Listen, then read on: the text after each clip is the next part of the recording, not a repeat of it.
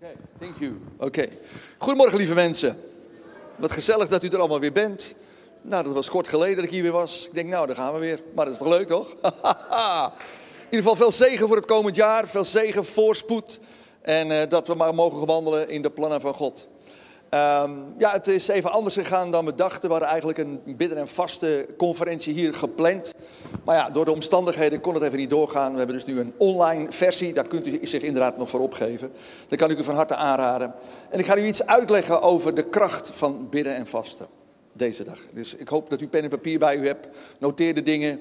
Pak je Bijbeltje erbij. Want het, kan, het is levensveranderend. Als ik praat over bidden en vasten, dat is de atoombom van het koninkrijk van God. Als je echt dingen radicaal wil veranderen, moet je gaan bidden en vasten. Dan is voor God is niets onmogelijk. Ik kan het zo samenvatten, als je gaat bidden en vasten, dan wordt het onmogelijke mogelijk.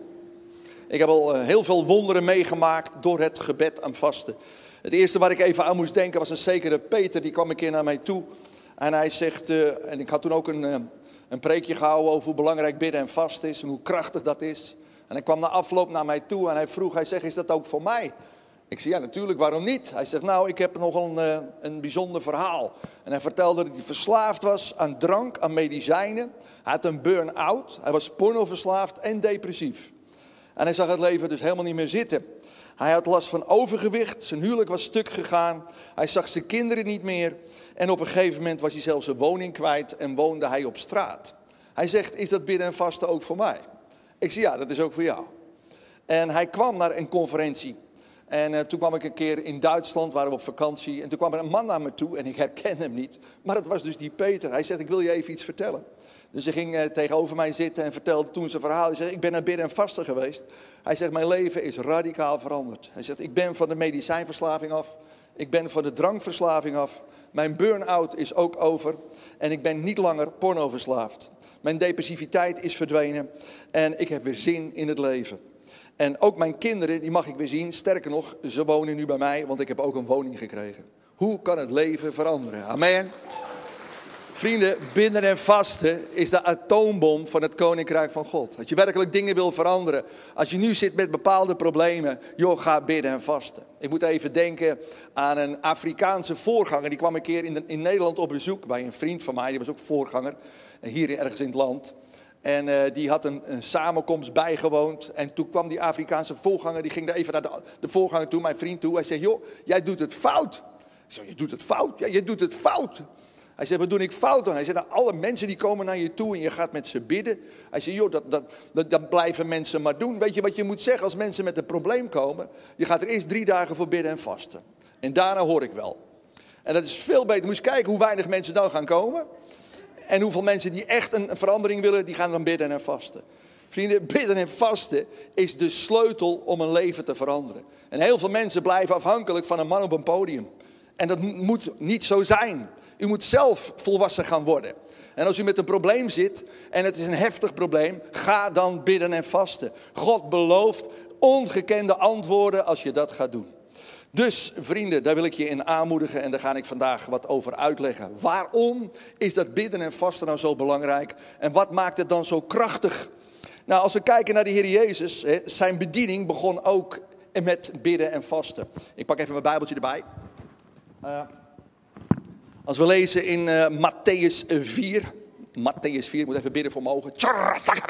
Kijk, moet je opletten. Hop, in één keer goed. nou, is dat niet leuk? Nou, uh, ja, dat gaat snel hè. Man, man, man. In één kan je me goed lezen. Dank u Heer. Jezus begon zijn bediening vanaf, dat kun je lezen vanaf Matthäus 3, vanaf vers 13. Dus Matthäus 3 vanaf vers 13.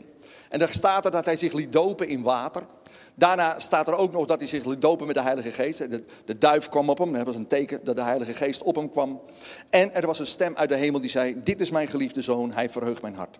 Dus er gebeurden drie dingen voordat Jezus zijn bediening begon. Hij werd gedoopt in water. En vrienden, waterdoop is het fundament van een christelijk leven. Als jij wil, Jezus wil gaan volgen, is het eerste wat je moet doen is dopen. Bekeer je en laat je dopen. Dopen, daar laat je mee zien hè, dat je afscheid neemt van je oude manier van leven. En dat je juist wil gaan leven zoals Jezus dat van je vraagt. Het is een soort uh, begrafenis, maar je komt gelukkig weer binnen een paar seconden uit het graf. Dat is prettig, vind je niet? en, uh, en daarmee laat je zien dat je serieus Jezus wil gaan volgen. En de waterdoop, als je nog niet in water bent gedoopt, wil ik je van harte aanraden. Joh, ga dat doen. Want daarmee laat je zien dat je bij Jezus wil horen. En je scheidt je ook af in de geestelijke wereld van de boze. Zodat je helemaal God kan dienen met heel je hart. En het is een heel belangrijk aspect, die waterdoop. En de Heer Jezus deed het zelf ook. Hij was 30 jaar en hij maakte dat besluit om zich te laten dopen. Hij hoefde dat niet te doen, maar hij deed dat om een voorbeeld te zijn voor ons allemaal. En laten we zijn voorbeeld volgen, om te laten zien dat je hem werkelijk wilt volgen. Daarna werd hij gedoopt met de geest, dat hebben we ook nodig. We hebben de doop in de geest nodig, maar we hebben ook elke dag de vervulling nodig met de Heilige Geest. Zodat je weer uh, nieuwe kracht krijgt voor vandaag. En je moet bemoedigd worden. Zoals de vader tegen de Jezus zei: Dit is mijn geliefde zoon, hij verheugt mijn hart. En vrienden, dat zegt God ook tegen jou. Tegen jou en mij. Ik word zo blij voor jou. Als ik naar jou kijk, dan verheugt mijn hart zich. En ik, en ik juich over jou. Vrienden, wij zijn geliefde, prachtige, kostbare kinderen waar God over juicht. En hij bemoedigt ons. En het leuke is, Jezus had nog niks gedaan. Hè? Hij had nog niks in het openbaar gedaan. En toen eh, werd hij al bemoedigd. En vrienden, zo is het ook. Wij hoeven niet dingen te doen om geliefd te worden. We zijn al geliefd. En we mogen die liefde ontvangen. En ons erdoor laten bemoedigen. En vanuit die liefde gaan wandelen met de Heer. Nou, en dan gaan we prachtige dingen beleven. Nou, dan zul je denken, Jezus eh, die is klaar om de wereld in te gaan. Hij is gedoopt in water, gedoopt met de geest. Hij is bemoedigd, ga met de banaan. Maar dan gebeurt er iets anders. Dan gaan we naar hoofdstuk 4. Wat staat daar? Let op. Daarna werd Jezus door de Heilige Geest naar de woestijn geleid om door de duivel op de proef te worden gesteld. Dus Jezus die werd door de Geest geleid naar de woestijn. Nou, waarom moet je, moest hij nou door de woestijn? Nou, vrienden, de woestijn, dat is een plek waar je je terugtrekt. Waar je alleen bent met God. En God wil namelijk even zaken doen met jou. Hij wil eh, namelijk jou een, nieuwe ontmoeting geven. En de Heer Jezus, die moest die woestijn in. Eh, om sowieso op de proef te worden gesteld. Nou vrienden, ik ga je iets verklappen. Wij moeten allemaal op de proef worden gesteld. Uh, en, maar alvorens ehm, uh, en, en dat op de proef stellen hebben we allemaal nodig. Kijk, als je in de woestijn in gaat en we gaan even niet eten, we gaan even ons concentreren op de dingen van God. Ik zeg, het vast is eigenlijk je richt op het bovennatuurlijke. Je laat het natuurlijke even achter je, maar ga je nu richten op het bovennatuurlijke.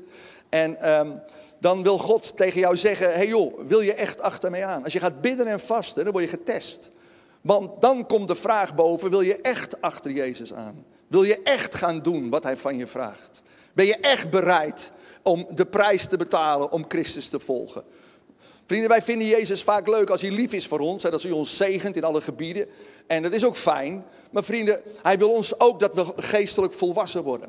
En dat betekent dat het je wat gaat kosten. Jezus zei niet voor niks berekende kosten. Als je mij volgt, berekende kosten. Het gaat je wat kosten. En dat betekent uh, dingen, dingen ontzeggen. Uh, even, even, streng zijn voor jezelf. En zeggen, nee, ik ga niet doen wat de wereld allemaal doet. Ik ga leren doen wat Jezus van mij vraagt. Met andere woorden, ben je bereid om echt gehoorzaam te worden? Ben je bereid om te gaan doen wat God van je vraagt? En als je Jezus wil volgen, hoort bidden en vasten erbij. En weet je, je, je wordt dan getest, je wordt beproefd. Dan wordt zichtbaar of je geloof echt is. Amen? Dat willen we toch? je, je, je, wilt toch eh, ook aan jezelf, voor jezelf even laten zien, ja, waar sta ik eigenlijk? Nou, als je gaat bidden en vasten, dan laat je zien aan God, maar ook aan jezelf. Hé, wacht eens even, ik wil ervoor gaan. Ja toch, ik wil ervoor gaan. Ik wil doen wat hij van me vraagt. Dus bidden en vasten helpt je om jezelf te testen. Amen. Het is een zelftest.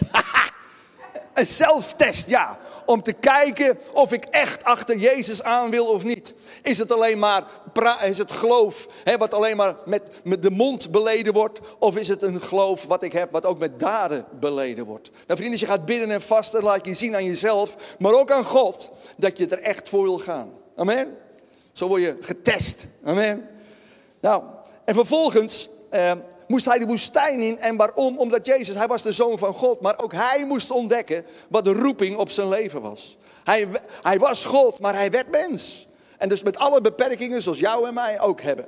En hij moest dus ook ontdekken, Heer, waar heeft u mij voor geroepen? En vrienden, God heeft een plan. Uh, hij heeft een plan, natuurlijk een duidelijk plan met Jezus leven, maar ook met jou en mij. God heeft een plan. En wanneer ga ik dat plan ontdekken? Als ik me ga terugtrekken en God ga vragen, Heer, waar heeft u mij voor gemaakt? Weet je, heel veel christenen die, die, die leven waar een eind heen een beetje rondjes te draaien, maar ze weten geen eens waarom. Joh, je hebt een doel. God heeft een plan met jou. En God wil dat je in dat plan gaat wandelen. En Jeremia 29, vers 11 spreekt erover. Ik weet welke plannen ik voor u heb. Met die plannen heb ik het goede op het oog, niet het kwade. Ik wil u weer een hoopvolle toekomst geven. En zelfs heel veel christenen hebben geen hoopvolle toekomst. Waarom? Ze draaien alleen maar rondjes en ze weten niet waarvoor ze gemaakt zijn. Vrienden, je hebt een doel. En God zegt, jaag achter dat doel aan. Wanneer ga ik dat doel ontdekken? Als ik ga bidden en vasten. Als ik vraag, Heer, waar heeft u mij voor gemaakt? Laat het me zien. En vrienden, met Jezus was het precies hetzelfde. Ook hij wist zijn roeping nog niet. Ook hij moest ontdekken, ja, waarom ben ik eigenlijk gemaakt? Nou, en toen uiteindelijk, toen hij die, die route in de woestijn had gedaan van 40 dagen, dan eh, eh, komt hij daaruit en in Lucas 4, vers 18 en 19 is luid en duidelijk waarvoor hij gemaakt is. Ik lees het even. De geest van de Heere is op mij. Halleluja. Wil je ook dat de geest van God op je leven komt te rusten? Dan moet je gaan bidden en vasten. Dat is de sleutel. En dan zegt hij, hij heeft mij de opdracht en de kracht gegeven. Nou, wij hebben wel de opdracht hè, om het evangelie te vertellen, de zieken te genezen, de boze geesten te verjagen. Maar we hebben niet de kracht. Laten we even eerlijk zijn. Ja, toch? We hebben de opdracht, maar niet de kracht. Hallo, kom ik binnen? Yes. Het gebeurt bijna niet. Als ik vraag wie vertelt hier het evangelie, steek eens je hand op. Wie heeft deze week het evangelie verteld? Deze week. Steek je hand maar op. Ja, ik zie maar een paar handen, joh. Dat is toch verdrietig? iedereen hoort dat te vertellen. Je hoort overal te vertellen dat evangelie. Waarom doen we het niet? We hebben de kracht niet. Amen. De kracht ontbreekt. Wie heeft deze week zieken genezen? Steek je hand eens op. Wie heeft deze week zieken genezen? Ja, bijna niet. Waarom? We hebben de kracht niet. Dus we doen het maar niet. Nou, hetzelfde geldt voor boze geesten verjagen. Omzien naar mensen in nood. Maar kijk eens wat Jezus hier ontvangt. Zijn opdracht. Hij zegt, God heeft mij de opdracht en de kracht gegeven om arme mensen goed nieuws te brengen. Hij heeft mij gestuurd om uit te roepen dat gevangenen zullen worden vrijgelaten. Dat blinden zullen zien. Dat onderdrukten zullen worden bevrijd. En dat de tijd van Gods genade is aangebroken. Dus kort samengevat, Jezus wist na zijn periode van bidden en vasten luid en duidelijk wat zijn doel was. Hij was, om het kort samen te vatten, dit was de opdracht. Het evangelie vertellen, de boze geesten verjagen, de zieken te genezen, de mensen die op slot zitten weer vrij te maken en eh, Gods liefde en genade aan de mensen laten zien. Zijn opdracht was luid en duidelijk na het bidden en vasten. En vrienden, dat geldt ook voor jou en mij. Als je gaat bidden en vasten en vraagt, Heer, waar heeft u mij voor gemaakt? Laat het me zien. Ik wil eh, de, de, de plannen die u voor mij heeft, die wil ik werkelijkheid zien worden. Dan moet je hem gaan zoeken. En de Bijbel zegt, zoek en je zal leven. Zoek mij en leef. Wanneer kom ik tot leven als ik God ga zoeken? En een van de, de krachtigste manieren om God te zoeken is door gebed en vasten. Zeggen, Heer, ik wil u ontmoeten. Laat me zien waar ik voor gemaakt ben. En weet je, als je dan uit de woestijn komt, als je dan uit je binnen een vaste periode komt, dan sta je als een huis. Dan ben je zo sterk als ik weet niet wat. Want je weet waarvoor je gemaakt bent. Je kent je doel. Je weet wat je wel moet doen en ook wat je niet moet doen. Halleluja, dat is fijn. Haha. Heel veel mensen doen dingen die ze helemaal niet moeten doen. Ja, toch? Je moet weten waarvoor je gemaakt bent. En je moet weten wat je wel en niet moet doen. Dan word je sterk en word je een zegen voor velen. Dat is toch wat je wil, of niet? Vrienden, alleen dat al is een geweldige reden om te gaan bidden en vasten. Zodat jij gaat ontdekken waar God je voor gemaakt heeft. Amen. Halleluja. En dan word je doelgericht. En doelgerichte mensen zijn heel aantrekkelijk. Wist je dat? Die krijgen ook volgers, want die weten waarvoor ze gaan. Amen. Yes. Dus vrienden, bidden en vasten helpt je om een doelgericht mens te worden. Oké, wat doet bidden en vasten nog meer? Nou, de Heer Jezus, we lezen even verder. Uh, dan zien wij in. Uh, even kijken, is mijn brilletje nou weer gebleven? Dus als je met zo'n bril, denk je, waar is hij nou gebleven? Ja, hij zit hier. Haha, ik heb hem. Oké, dan lezen we even verder. Hij moest op de proef gesteld worden. Ja, dus zijn geloof moest ook getest worden. En hij bleef daar 40 dagen, 40 nachten en al die tijd at hij niet. En tenslotte kreeg hij honger en de duivel kwam naar hem toe. Kijk, de duivel kwam naar hem toe. Vrienden, je gaat bidden en vasten, ga je de duivel ontmoeten. En uh, de duivel ontmoeten, heel veel mensen denken, oh, een beetje engig om de duivel te ontmoeten. Vrienden, je moet niet bang zijn. Je, maar we gaan de duivel uh, ontmoeten niet omdat we, om bang te worden, maar we gaan hem ontmoeten om te ontdekken dat jij autoriteit hebt over de duivel. Hoor je wat? Jij hebt autoriteit. En het wordt tijd dat je die gaat gebruiken. De Bijbel zegt in Lucas 10, vers 19, dan zegt Jezus, ik heb jullie macht gegeven over slangen en schorpioenen. Dat is een beeld van demonen. Ik heb jullie macht gegeven over slangen en schorpioenen. Je zult ze vertrappen. Hoor je dat? Je zult ze vertrappen. En niets van het geweld van de vijand zal jou deren. Man, wat een belofte. Amen. God wil dat je op je benen gaat staan. Dat je geestelijk wakker wordt. En dat je de echte vijand gaat aanpakken. Goed onthouden vrienden, we vechten niet tegen mensen. Mensen zijn nooit je vijanden.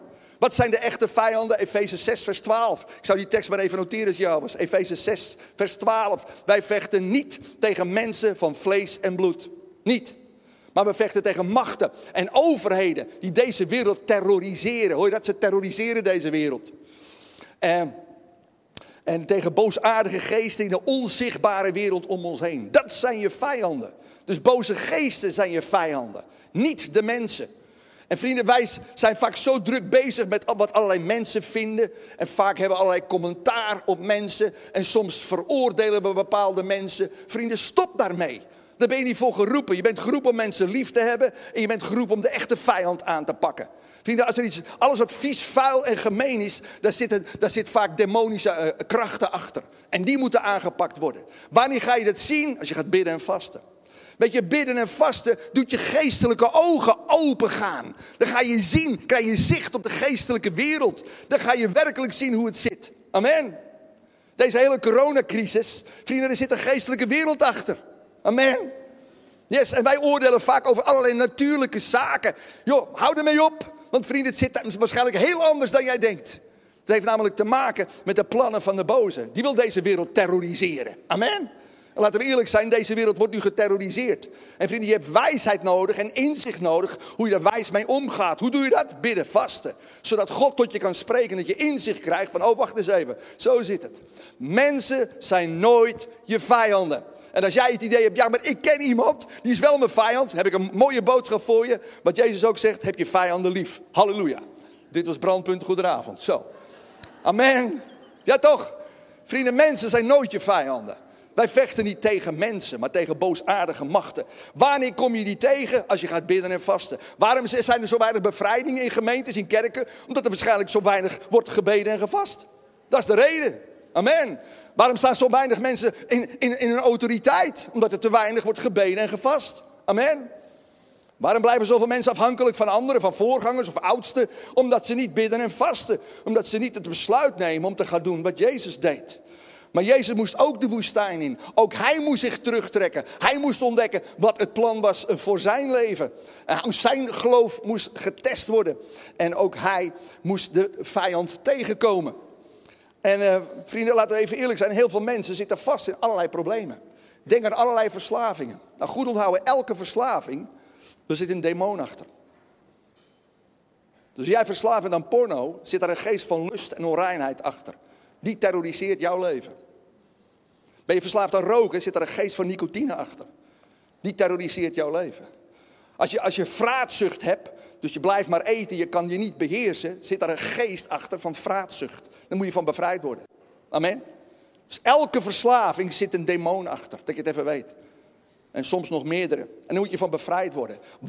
waarom zie je dat niet? Omdat je niet bidt en vast. Wanneer krijg je oog voor de geestelijke wereld? Als je gaat bidden en vasten. Dan ga je zien hoe het geestelijk zit. Dan denk je, wow, dat had ik eerder moeten weten. Amen. Dus vrienden, bidden en vast heb je nodig om de echte vijand aan te pakken. En om ook jouw verslavingen te kunnen verslaan in jouw leven. Want je krijgt zicht op hoe het werkelijk zit. Weet je, de Satan haat bidden en vasten. Want hij weet donders goed, als jij gaat bidden en vasten, komt hij aan het licht. Nou, dat wil hij niet. Daarom wil hij dat die christenen maar blijven eten. Blijf maar eten, jongens. En gezellig. En ja, nou op zich, eten is niks mis mee. Ik vind eten ook gezellig en leuk. Maar er moeten ook tijden zijn dat je gaat bidden en vasten. En waarom? Om weer dichter tot God te komen. Om te ontdekken hoe het ook weer werkelijk zit. Ik vecht niet tegen mensen, maar tegen boze machten die mijn leven willen terroriseren. Dus vrienden, word wakker. Gebed en vast heb je nodig. Als jij nu verslaafd bent, weet je nu wat je moet doen. Ga niet naar de voorganger, maar ga bidden en vasten. Dat is wat je moet doen. Amen. De voorganger hebben lang genoeg voor jou gebeden wordt tijd dat jij zelf volwassen gaat worden. Amen. En je kunt nu nog meedoen. Je kunt vandaag nog opgeven op de online bidden en vasten. krijg je heel veel onderwijs. En eh, ik wil niet zeggen dat alle onderwerpen voorbij komen. Dat lukt natuurlijk niet in een online versie. Maar het helpt je al een stuk om op weg te komen met de Heer. En dat gun ik je van harte. Dat je op je benen komt samen met de Heer. Oké. Nou, Jezus kwam dus de duivel tegen. En, en uh, wat deed die duivel met Jezus? Hij begon hem te verleiden. Verander deze stenen toch in brood. Dat is het bewijs dat u de zoon van God bent. Nee, antwoordde Jezus, want in de boeken staat dat eten niet het belangrijkste is, maar dat echt leven bestaat uit het gehoorzamen van elk gebod van God. En toen nam de duivel hem mee naar het dak van de tempel. En laat u eens zien dat u de zoon van God bent, zei hij. Spring naar beneden. Staat immers in de boeken dat God zijn engelen zal sturen om u te beschermen. En die zullen ervoor zorgen dat u niet te pletter valt. Maar Jezus antwoordde, er staat ook dat de Heere onze God niet mogen uitdagen. En de duivel gaf het niet op en nam hem mee naar een heel, heel, hoge berg. En liet hem alle landen van de wereld zien met al hun pracht en praal. Dat zal ik u allemaal geven, zei hij. Als u voor mij neerknielt en mij eert. En Jezus zei, ga weg Satan. Er staat immers in de boeken, geef niemand anders eer dan de Heer uw God. Dan doe alleen wat hij zegt. En de duivel liet Jezus met rust en ging weg. Toen kwamen de engelen om voor hem te zorgen. Vrienden, Jezus werd verleid op drie gebieden. Hij werd verleid door de duivel. En vrienden, jij wordt ook verleid. We worden allemaal, verleiding kennen we allemaal. we kennen ook allemaal die momenten dat je zegt, ja eigenlijk moet ik dit niet doen, maar ik doe het toch. Wie herkent die momenten? Even, even eerlijk zijn. Ik, ik moet het niet doen, maar ik doe het toch. Ja. En waarom? Je hebt niet de kracht om de verleiding te weerstaan. Wanneer krijg ik wel de verleiding, of de kracht om verleiding te weerstaan? Als ik ga leren bidden en vasten. Jezus werd verleid. Hij had de kracht om nee te zeggen tegen verleiding. Nou, hij zegt in Lucas 9, vers 23: Wie bij mij wil horen, wie wil bij Jezus horen, steek je hand eens op. En pas op wat je zegt hoor. Dan moet je drie dingen doen. Hij zegt: Je moet jezelf verloochenen, je kruis oppakken en mij volgen. Dus deze drie dingen. Nog een keer: je verloochenen, kruis oppakken, mij volgen. Nou, wat is nou verloochenen? Dat is een leuk woord voor Scrabble. Er zitten hele dure letters bij, man, man, man. Maar wat betekent verloochenen eigenlijk? Nou, verloochenen betekent letterlijk nee leren zeggen tegen je eigen verlangens. Nou, dat is makkelijker gezegd dan gedaan, toch of niet? Ja, toch? We kennen allemaal die momenten dat je denkt, ja, dit moet ik niet doen, maar ik doe het toch. Nou, als je dat meemaakt in je leven, dan weet je, ik heb kracht van boven nodig. Amen. Zo, daarom verslavingen bijvoorbeeld, die ga je zelf nooit overwinnen. Omdat de boze sterker is dan jij. Maar als je gaat bidden en vasten, gaat God jou kracht geven. En dan gaat hij je bevrijden van die boze geesten. Zodat jij wel overwinning krijgt over je verslaving. Dus vrienden, uh, hoe krijg ik kracht om nee te zeggen tegen de verleidingen van de boze? Door te gaan bidden en vasten. Dat geeft je bovennatuurlijke kracht. Zodat je eindelijk nee kan zeggen tegen die verslaving waar je telkens weer in tuint. Je wil het niet, maar je doet het toch. Hoe overwin ik het ooit? Door te bidden, te vasten, door jezelf te verlogen. En het woord verlogen, het zit het grondwoord uh, vasten en vernederen, zit daar ook in. Nou, uh, het woord vernederen, daar kom ik straks op terug, want dat is een heel belangrijk woord. Maar je, dus als je je wil verlogenen, hoort daar vasten bij. Dus als je Jezus wil volgen, vrienden, dan kun je niet zonder vasten. Dat kan niet. Het is hetzelfde. Ik wil voetballen, ik wil in het eerste van, het, van de vereniging wil ik spelen, maar ik wil niet trainen. Ja, dat kan niet. Dat is onmogelijk. Vrienden, als je Jezus wil volgen, dan zul je moeten leren bidden en vasten. En sowieso om verleiding te kunnen overwinnen en te kunnen weerstaan. Net als Jezus dat deed. Uh, nou, en dan uh, spreken we over dat kruis opnemen. Wat is nou het kruis opnemen? Dat betekent, het is dood aan jezelf. Als je in de tijd van Jezus iemand met een kruis zag lopen, had hij niet een of ander nieuw wandmeubel gekocht bij Ikea. Dat je denkt, joh, wat heb jij een leuk ding gekocht zeg. Kom er leuke plantjes op zetten en zo. Nee, een, een kruis betekent, het is afgelopen met jou. Je gaat dood, finito, doei. Het is afgelopen. En dus het kruis oppakken, wat betekent dat voor ons? Het, ik ga niet langer mijn eigen wil doen, ik ga de wil doen van God. Dat is je kruis oppakken. Je kruis oppakken betekent letterlijk, Heer, wat gaan we vandaag doen? Zeg het maar. Amen. Dat is een heel ander leven, hè? Heel veel, heel veel mensen trouwens, heel veel christenen leven ook zo. Die leven gewoon hun leventje. En pas als het moeilijk wordt, ja, roepen ze God aan. En voor de rest gaan ze gewoon hun eigen gang. Vrienden, zoals het niet bedoeld. De kruis opnemen betekent, Heer, ik heb de keuze gemaakt om u te gaan volgen. Wat gaan we vandaag doen? Amen. Dat is je kruis. Niet meer je eigen wensen navolgen. Nee, we gaan nu doen wat God van je vraagt. En dat is je kruis. En dan pas kun je hem volgen. Snap je wat ik bedoel? Je zal je dus zelf moeten verlogenen. Je ervoor kiezen om niet meer je eigen wil te doen, maar zijn wil te doen. Dan pas kun je hem volgen. Nou, dat is wat Jezus van ons vraagt. En dat, dat, kun je niet zo, dat kun je niet uit jezelf.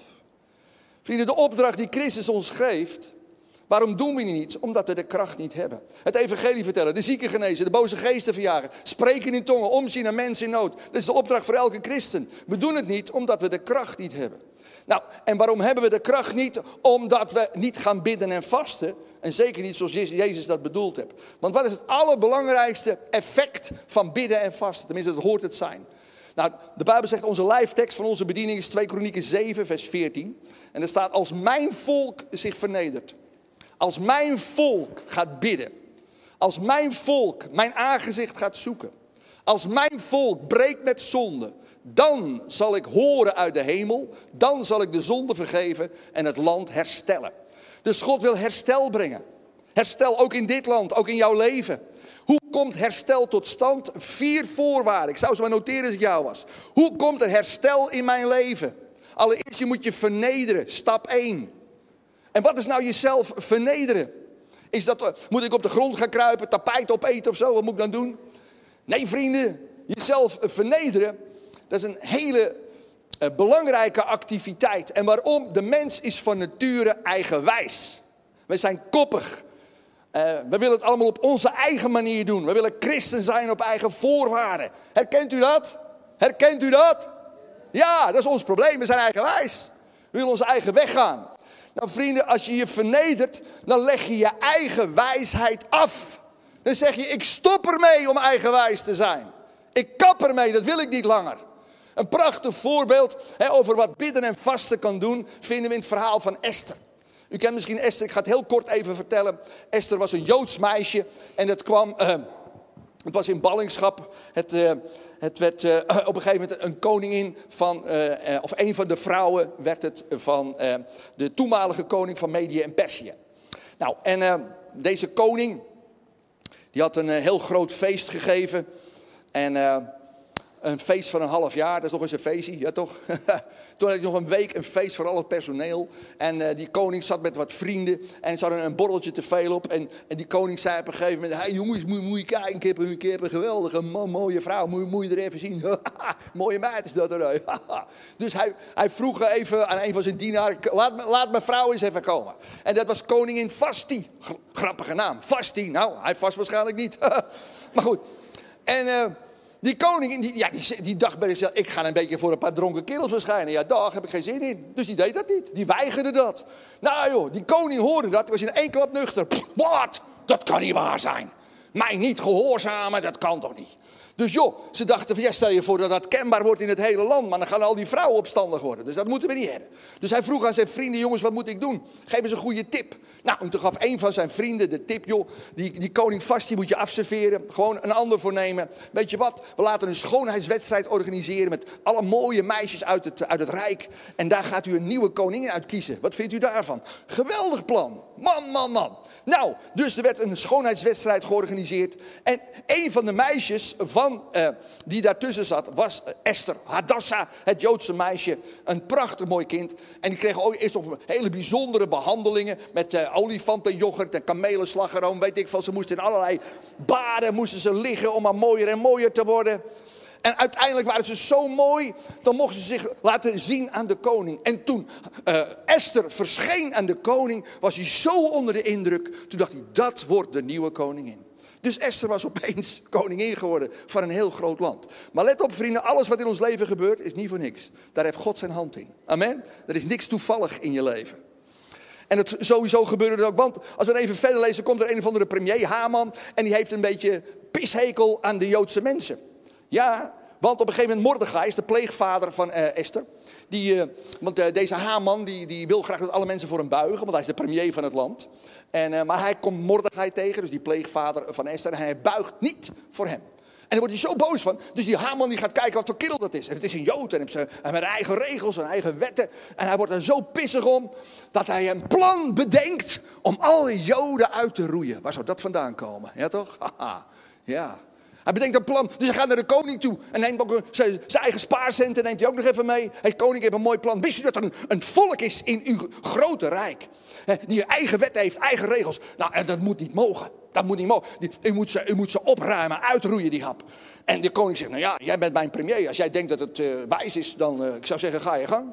En het, was, uh, en het werd dus een wet van Meden en Persen. De Joden mochten uitgemoord worden. Er werd ook een datum vastgesteld. 13 december volgend jaar mogen alle Joden worden vermoord. Er werden ook pamfletten rondgebracht in het, uh, uh, in het Rijk. Dat overal bekend werd dat Joden op die datum mochten worden uitgemoord. En toen Mordechai dat hoorde, ging hij naar koningin Esther. En dan lezen we daar, en dat is zo mooi, dat vind je in Esther 4. En dan lees ik even vanaf vers 12. Um, En Mordechai zegt dat tegen Esther. Denk jij dat je in het paleis aan de dood zult ontsnappen terwijl andere Joden worden vermoord? Als jij in een tijd als deze blijft zwijgen, zullen wij ons wel op een andere manier redden. Maar jij en je familie zullen omkomen. En wie weet of jij niet juist met het oog op deze tijd in het paleis bent terechtgekomen. Nou, dus eigenlijk zegt Mordechai te Esther, jij bent niet voor niks koningin geworden. Jij hebt invloed op de koning. Wij niet, maar jij wel. En joh, gebruik je invloed, zodat je een zegen gaat worden voor je volk. Dat er iets gaat veranderen in, in dit afschuwelijke besluit om al onze volksgenoten om te laten brengen. Dat moet stoppen joh, doe iets. Nou, en wat ging Esther toen doen? Toen liet Esther aan Mordechai zeggen, roep alle joden bij elkaar en vast voor mij. Eet en drink gedurende drie dagen en nachten niet. Mijn dienares en ik zullen hetzelfde doen. En daarna zal ik ondanks het verbod naar de koning gaan. En als ik dan moet sterven, het zij zo. Nou, in die tijd was het zo, als je, zelfs als je koningin was, kon je niet zomaar naar de koning toe. Want de koning had verschillende vrouwen. En je kon alleen maar komen als hij dat vroeg. Als je op eigen beweging naar de koning ging, liep je het risico dat je kop eraf ging. Ja, een bijzondere tijd was het toen, ja toch? Dus, wat zei Esther? Esther zei, ik ga drie dagen bidden en vasten. Ik wil dat mijn volk gered wordt. Ik ga drie dagen bidden en vasten. En vast met mij mee. En na die drie dagen ga ik naar de koning.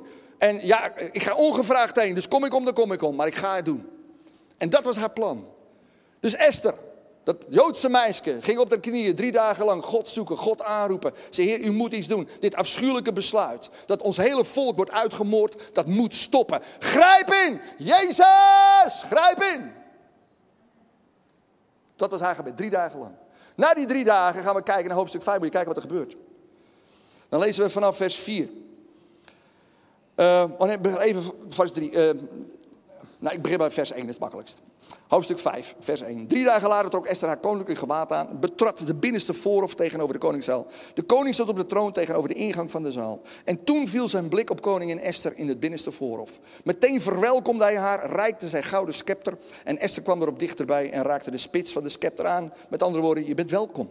En dan zegt hij, wat is er, koningin Esther? Kan ik iets voor je doen? Al wilde je mijn halve koninkrijk hebben, ik zou het je geven. En het zijn niet zomaar woorden. Dat was een koninkrijk van 127 provincies. Dus hij zegt, al wil jij de helft van mijn koninkrijk, al wil je 62 uh, en een half uh, uh, koninkrijk hebben van mij, dan zal ik het je geven. Hoe kan een koning zoiets zeggen? Het is een koning van mede en pers. Hè? Dat betekent wat hij zegt, gebeurt ook. Hij doet wat hij zegt. We kunnen wat van leren, hij doet wat hij zegt. Dus hij biedt de helft van zijn koninkrijk aan aan Esther. Waarom doet hij dat? Waarom? Nou, let op, vriend, dit is het geheim. Hou je vast. Als je gaat bidden en vasten, word je zo aantrekkelijk voor de koning dat hij geen nee meer kan zeggen. Hoor je wat ik zeg? Als je gaat bidden en vasten, dan word je zo aantrekkelijk voor de koning dat hij geen nee meer kan zeggen. Dan biedt hij je alles aan wat je vraagt. Vrienden, en waarom? Dat bidden en vasten, dat is namelijk je nederig maken. En vrienden, als jij je nederig maakt, dan wordt God stapel verliefd op jou. Want waar woont God? Jezaja 57, vers 15. Hij woont bij de gebrokenen van hart, bij de nederigen van hart. Waar wil God wonen? Bij de nederige mensen. Wat zegt Jezus in Matthäus 5, vers 3? Zalig zijn de nederigen van hart. Gelukkig ben je als je nederig bent. Het koninkrijk van God is voor hen. Vrienden, wanneer word je aantrekkelijk voor God? Als je je gaat vernederen. Als je gaat zeggen, Heer, ik weet het niet meer. Wilt u me alstublieft helpen?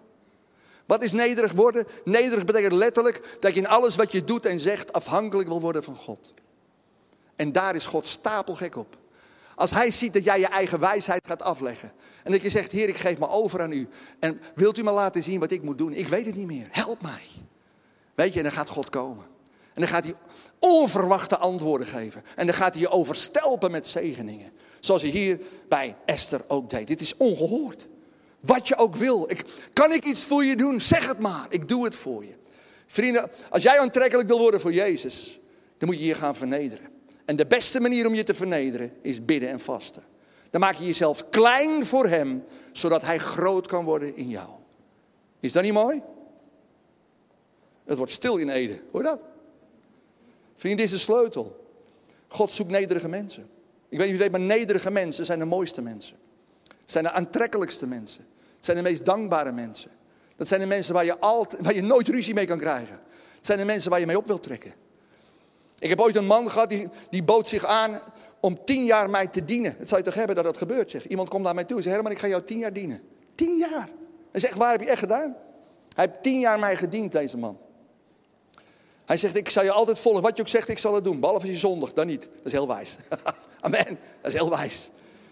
Maar deze man was zo nederig om mij te dienen. Ik voelde me soms een beetje ongemakkelijk. Ik denk, hoe bestaat het dat iemand mij zo dient?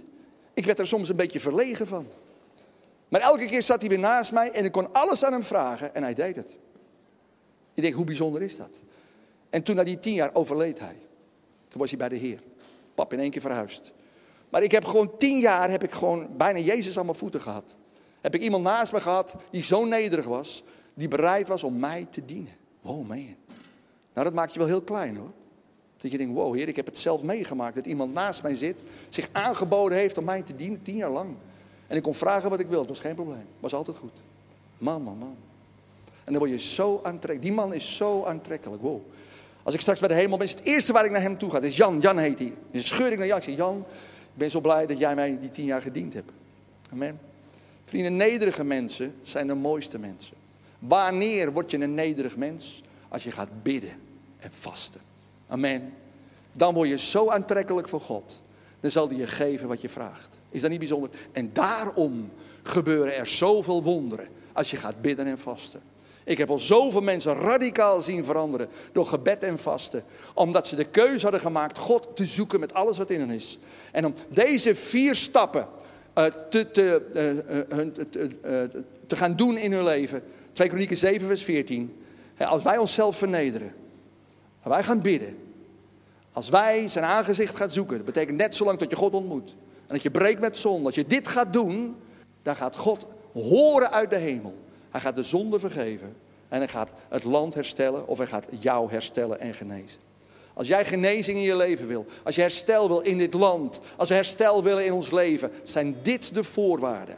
Verneder jezelf. Dat doe je het allerbest door te bidden en te vasten. Amen. En vrienden, u kan nog meedoen. U kan zich nu nog opgeven vandaag. is de laatste dag die je op kan geven. En ik zou zeggen, joh, doe het mee. Heb je in ieder geval zo'n voorproefje. In juni gaan we hier weer komen. En ik hoop dan fysiek dat het gewoon door kan gaan. Maar vrienden, het is een atoombom van het hemels koninkrijk. Gebed en vasten. Ik heb al zoveel dingen zien veranderen. Ik heb al zoveel wonderen meegemaakt. Alleen maar door dat bidden en vasten. Doen wat God van je vraagt. Is het een offer? Ja, het is een offer. Maar als je het eenmaal gaat doen, denk je nou, is dit alles? Het valt best wel mee. Amen. Maar moet je kijken wat, wat het op gaat leveren in je leven. Man, man, man. Je wordt bevrijd. Je wordt, je wordt uh, vrijgezet. Ziektes verdwijnen. Uh, verslavingen verdwijnen. Slechte gewoontes verdwijnen. En, en Gods geest komt meer en meer op je leven. Je gaat zijn stem veel beter verstaan. Je gaat de leiding van de heel Geest veel meer ervaren. Maar het is heerlijk om te gaan bidden en vasten. Jezus komt zo dichtbij alsof hij naast je wandelt. Halleluja. En dat wil je toch of niet? Hallo, dat wil je toch of niet? Dat is de vrucht van bidden en vasten. Zodat Jezus zichtbaar wordt in jouw leven. Dat de mensen zeggen, wow, wat jij hebt wil ik ook. Amen. Oké vrienden, nou, ik heb een paar dingen nu verteld over dat bidden en vasten. Ik begrijp dat ik af moet ronden, want er zijn allemaal mensen om me heen. Waarvan ik denk, oké. Waarschijnlijk is dit een signaal. Maar goed, ik hoop dat we in juni weer terug kunnen komen. En dat we dan de hele week kunnen, uh, ons werk kunnen doen. En dan zul je ook meemaken de wonderen en tekenen die God geeft als wij gaan bidden en vasten. Laten we gaan bidden, vrienden. Vader, ik wil u danken voor al deze lieve mensen die kijken en hier in de zaal zitten. Ik bid, Heer, dat ze verlangend zullen zijn en hongerig zullen zijn om te gaan bidden en vasten. Heer Jezus, u begon uw bediening met gebed en vasten. En u zegt in uw woord in Johannes 14, vers 12: Wie op mij vertrouwt, zal dezelfde werken doen als ik, zelfs nog grotere. En het eerste werk wat u deed, was gebed en vasten. Daar begon u mee. En als u het nodig hebt, wie ben ik dan om te zeggen dat ik het niet nodig heb? Heer, ik kan niet zonder. Want juist als ik ga bidden en vasten, mij verneder voor u, dan gaat u mij verhogen. Dan gaan de wonderen komen. U kunt niet wegblijven bij mensen die zich vernederen voor u. Ik bid, Vader, dat wij allemaal een diep, diep verlangen in ons hart zullen hebben. Om u te gaan zoeken met bidden en vasten, zodat u zich gaat laten zien aan ons op een ongekende, bovennatuurlijke manier. Dat de kracht van God ook op ons leven mag gaan komen als nooit tevoren. Ik wil je uitdagen om te gaan bidden en vasten. Als je vandaag nog, als je deze week nog mee wil doen, dan kun je een keus maken om dat te doen.